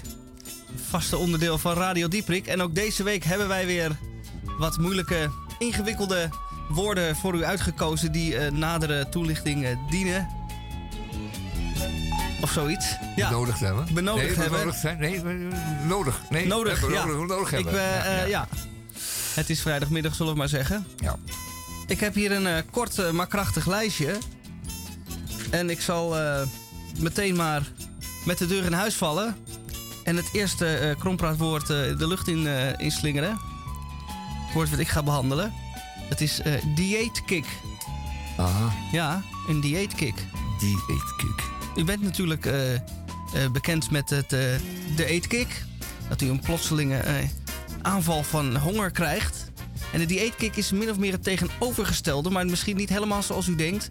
Dat is juist nadat u zich volgevreten heeft. En ik heb daar zelf ook wel eh, ervaring mee. eh spare ribs. Hè, en dan liggen er zes van die eh, racks. En dan denk je, ja, die krijg ik allemaal niet op. En dan heb je er drie en vier. En dan denk je, nou, dan ben ik nou over de helft. Vijf en zes. En dan heeft, heb ik ze allemaal opgegeten. En dan lig ik gevloerd. Ja. Ja, een beetje. En, en met schuld. En met schuld. En dan, dan kikt bij mij de dieetkick in. En dan krijg ik een acuut, acute aanval van... eh, ik moet nu echt eh, daar wat aan gaan doen aan mijn vreedbuien. Want dat is niet goed. Dat is de dieetkick. Op het moment dat je volgevreten op de bank ligt, denkt... Dit moet anders. Aha. Ja. Ja, ik had... Ik, ik, Ja, het een ik andere- dacht, eh, een ander idee. Ja, een ander idee. Kijk, dat kan natuurlijk. Een dieetkick. Men, men, eh, men is tegenwoordig toch wel behoorlijk streng over wat men in de mond steekt. En er zijn ehm, in korte tijd heel wat veganisten en vegetarisch etende mensen bijgekomen. Het is echt een trend en een eh, hele beweging geworden. Er zijn heel veel restaurants ehm, eh, bijgekomen waar men slechts een, een, een, eh, uitsluitend vegetarisch kan eten. En, het is ook eh, tamelijk modieus en het is ook eh, tamelijk aan te raden. Ik bedoel, het is in alle opzichten eh, zo dat ehm, het hele, onze hele optiek ten aanzien van het eten van vlees of, of, of dierlijke producten veranderd is. En een dieetkick, zou je kunnen zeggen, is iemand die een vegetarisch dieet volgt, die louter, of die, die, die de dierlijke producten mijdt, maar die dan toch wel weer een eetkick kan hebben daarin. Dus ik kan je voorstellen dat je dan eh, jezelf helemaal volpropt met tomaatjes, pompoenen en paprikaatjes. En Ja. Geroosterde bloemkool. Nou, ik niet zo Ik erg. krijg er maar- acuut honger van eh, eigenlijk, ja. nee, ik niet zo erg. Maar mocht die bestaan, dan bestaat die dieetkick dan vaak daaruit. Het kan niet anders. Het kan niet anders. Dat moet haast wel. Het moeten wel geroosterde tomaatjes zijn. En dan in abundance. Nou, eh, ik ben benieuwd. Dieetkick. En is er iets tegen te doen? Nee. Nee, hè? Nee. nee. het gewoon over u heen laten komen. Ja, ja. En, en je schuldig voelen daarover. Dat en en je voornemen om nooit meer te doen. Tot de volgende keer. Tot eh, de volgende keer, ja. Goed, heb je er voor mij nog één? Zeker. Voor jou heb ik de gasprijsuitreiking. Oh ja, de gasprijsuitreiking. Nou, dat is een, eh een kromwoord. Dat bestaat uit gasprijs en, en het woord prijsuitreiking. Nou, zijn het twee begrippen die zich helemaal niet verhouden. De gasprijs, dat is het item van de maand, van de week en van het jaar. En een prijsuitreiking, ja, dat is iets wat in de afgelopen jaren heel vaak is, eh, is, is eh, verdwenen. Er zijn weinig prijzen uitgereikt. Er, er zijn prijzen op allerlei gebieden te verdienen. Maar die zijn heel weinig uitgereikt de laatste paar jaar. Want eh, het mocht niet, het kon niet. eh, het, het, het- het hing samen met, eh, met samenscholing, die verboden was. Voor meer dan drie personen. En een prijs laat zich niet uitreiken via de computer. Dat moet persoonlijk gebeuren. Daar moet overhandigd worden. Daar moet een speech bij. En Grote een, cheque. Ja, en een grote cheque die dan waar er wordt gefotografeerd worden. Zo met z'n tweeën. Bosje bloemen. Bosjes bloemen moeten worden overhandigd. Dat moet in gala. En eh, de vrouw of de man mag dan ook mee vaak. De echtgenotes, echtgenoten. Eh, dus prijsuitreiken, dat is er eigenlijk niet veel van gekomen. De gasprijs, daar moeten we het helemaal niet over hebben. Want het is een, eh, een- naast een, een, klimaatonderwerp... is dat ook nog een politiek onderwerp. Heel erg gevoelig. ehm, is er nu iets ontstaan dat heet ehm, energiearmoede. Waarbij mensen hun, eh, hun, hun huis niet meer kunnen verwarmen omdat het rete duur geworden is. Echt idioot duur. En, en dan gaan zitten bibberen met 16,5 graden onder een eh plaid. Of een dekentje. Of hun bed niet meer uitkomen. Nou, het schijnt. Dat, dat zijn armoedige verhalen die wij dachten die eeuwig, eeuwig eh, voorbij zouden zijn. Maar die komen alweer terug. Dus het woord gasprijsuitreiking. Heel raar. het is wel heel moeilijk te plaatsen. Maar we hebben een gast hier. Die alles weet van, eh, van taal. En dat is, ehm, en dat is Johanna Reuten. En die gaat dan uitleggen gezet. wat een gasprijsuitreiking is. Ja. ja, als je ze aan elkaar koppelt, dan. eh, de, de prijs die het hardst is gestegen. Ja. Oh ja. Ja. Oh, die krijgt dan... eh, Die krijgt dan de prijs. die krijgt dan het bloemetje. Het gas wat, ja, dat denk ik. Oh. Ah, Oh, dat is een hele goede. om er toch nog een positieve draai aan te geven. nou ja, positief. Het is maar hoe je het bekijkt. Ja, dat hebben we zo helemaal niet gerealiseerd. En zo is dat natuurlijk. Er wordt dan met een hele feestelijke gelegenheid... waarbij geld geen rol speelt... eh, in een heel duur hotel, pak een beetje, het Amsterdam Hotel... eh, op het terras. Eh, er staan allemaal van die gasbonzen. En, en, en degene die het meest onbeschoft hoge prijs per kubieke meter heeft gerekend... die krijgt dan de prijs. Je krijgt de bloemen. Die krijgt de bloemen en een, eh, en een bijbehorende, hoe heet zo'n ding? Zo'n beeldje vaak. Een Dat bokaal. een- nee, niet een bokaal, maar dat heet iets wat je dan op het vensterbank kunt zetten. Oké. Zo'n zo'n zo'n ongehandig beeldje. Met van die oren. Ja, iets glanzends op een houten voetje. Ah, ja. Een oor... Nee, dat heet een... Een beker.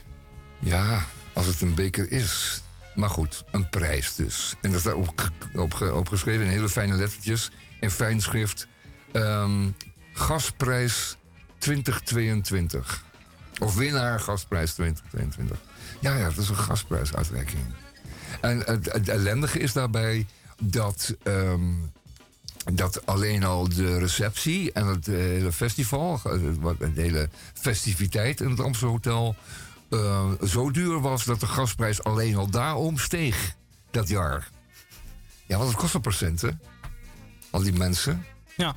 Weet je wat een, wat een lunch kost in het Amsterdam Hotel? Ben je Nee. onder, onder, de, onder de 90 euro ben je niet, kom je niet eh, gereed hoor. Dat kan je wel shaken. Dan krijg je nog een wijnadviesje van een tientje of vier. Dus nee, dat is niet, dat is niet, eh, dat is niet zomaar wat. Maar inderdaad, een gasprijsuitreiking. Wat een, wat een schandale, wat een scandaleuze gelegenheid zou dat zijn. Wat zou dat zijn, zeg? Laten we hopen dat het niet eh, Nee. Daadwerkelijk plaats gaat vinden. Ik heb nog één woord, Ja. wellicht. Oh ja. De loterijvaardigheid. Loterijvaardigheid. Ja, nou. Loterijvaardigheid. Jij, ja, Ja. loterijvaardig. Iemand die ontzettend goed is in een loterij eh, leiden, denk ik. Maar Die, eh, die, de, die, die het casino wel verslaat. Ja, die dan wel loterijvaardig is. Dat je het op je, op je cv kan zetten. Ik ben Oh, ja. loterijvaardig. Kijk. Ik weet het niet. Nee, ik dacht meer aan een. eh, eh, want eh, sinds 1 januari zijn alle loterijen door de staat eh, ingenomen. En worden die door de staat ge. ge eh, Zijn er geen, geen particuliere loterijen meer? Nee. Maar dat was altijd fantastische handel, want daar kon je altijd aan verdienen. Maar dat, dat, was, niet meer. dat dus. was fantastische handel. En die wordt nu ook doodgegooid met eh loterijreclames. Waardoor dus eh, onwetend Nederland denkt... nou, dat ga ik ook een keer een gokje wagen. Maar dat moet je niet zomaar doen zonder enige voorkennis. Want dan verliest u al uw geld en heeft u er vooral geen plezier aan. De bedoeling is dat u eerst een cursus eh, volgt. Loterijvaardigheid. Dat u daar een eh, diploma voor haalt. Zodat u nog steeds uw geld verliest. Want dat blijft nou eenmaal zo. Maar dat u in ieder geval, als u dan gokverslaafd bent... er nog enige vorm van juiste manier van lol aan, aan beleeft. Dus is iets wat ze bij de Jelinek zouden behandelen. Zeker. Wat je dan, eh, bij wijze van spreken, in een schriftelijke cursus zou kunnen doen. Online dan- of, eh, schriftelijk, ja. Waarbij je dan leert omgaan met je verlies op voorhand Precies, al. ja. Oh, dat is het natuurlijk. Want je verliest natuurlijk altijd. Uiteindelijk de kans wel. dat je wat wint is namelijk dermate klein... dat je dat bijna hetzelfde is als geld weggooien. Eh, gewoon een tientje in de Amstel gooien. Klopt. Opvouwen, een vliegtuigje van vouwen. en dat Zo, Maar het eh, voordeel is bij het casino dat dat apparaat dat het inslikt eerst nog leuke geluidjes maakt. Dat is juist het aanlokkelijke van het gokken. Het gaat niet over het, het goed gokken van het juiste getal. Want dat Eh, zou, ik dat zou dat kunnen is natuurlijk, echt ja. de vaardigheid. Van, eh, om het, bijvoorbeeld de laatste drie cijfers al goed te hebben. Weet je wel, dat je dat een beetje aanvoelt. Van, nou, deze week wordt het 967. Of de Toto. Ja. Of de toto goed leert invullen. Een Ja. goede een, een loterijvaardig. Dat zou allemaal wel willen zijn, jongens. Ja. Volgens mij eh, hebben wij met dit eh oude hoer u eh, volledig voorzien van de krompraat. En wordt het zo langzamerhand tijd dat u en wij allemaal naar buiten gaan en genieten van de zon. Die volgens mij ook weer weggaat aan het eind van de week. Dus pak het nu het nog pakken nu het er nog is. En het is helemaal niet, het is helemaal niet bewolkt. Het is een klein beetje stratosfeerbewolking, maar die is op een kilometer of acht hoog. Daar heeft u geen last van. Eh, de wind is afgenomen, zoals altijd in Nederland dat, op dit uur. En eh, de zon schijnt uitbundig. Geniet er nog maar even een paar uur van. Uw balkonnetje op het westen komt nu mooi van pas. En eh, niks eh, energiearmoede. Laat maar lekker, lekker binnendringen, die zonnestraling. Gratis. Het mooiste woord uit de Nederlandse taal. Dit was Radio Dieprik van vrijdag 25 maart. We hadden te gast van de Voorlees Express. Johanna Rijken. Dankjewel voor je komst. Ja, dankjewel. Reuten. En eh, we gaan nog een keer herhalen. Rijken, zei ik Rijken? Ja, dat zijn de Rijken weer natuurlijk, hè. We hebben dat nog met de Johanna Reuten. gasprijsuitreiking, Johanna, wat schandelijk van me. Eh, van de Voorlees Express met dubbel S. www.voorleesexpress met dubbel S.nl En daar moet u maar eens rondkijken als u eh, denkt van... nou, dat lijkt me ook wel wat. Zo eh, voorlezen. Kan dan weer eh, gewoon de opa spelen of oma. En, ehm, en je leest dan twintig keer voor. En daarna komt er weer een nieuw kindje. Nou, dat lees je dan ook weer voor. Tot volgende week. Never looked for trouble, but I never ran. I don't take no orders, no kind of. I got a woman here, she can be. I got a woman she can be. Sometimes I think she's almost. A black cat up, died of fright, cause she crossed his path last night.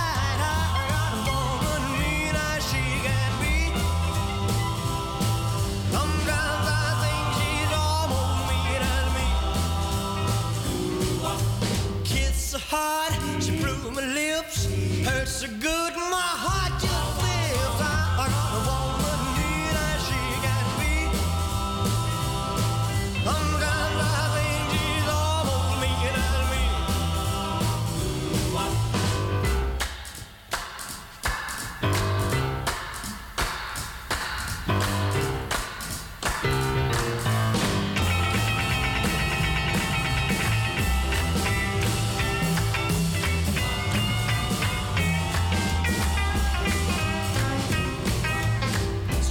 girl.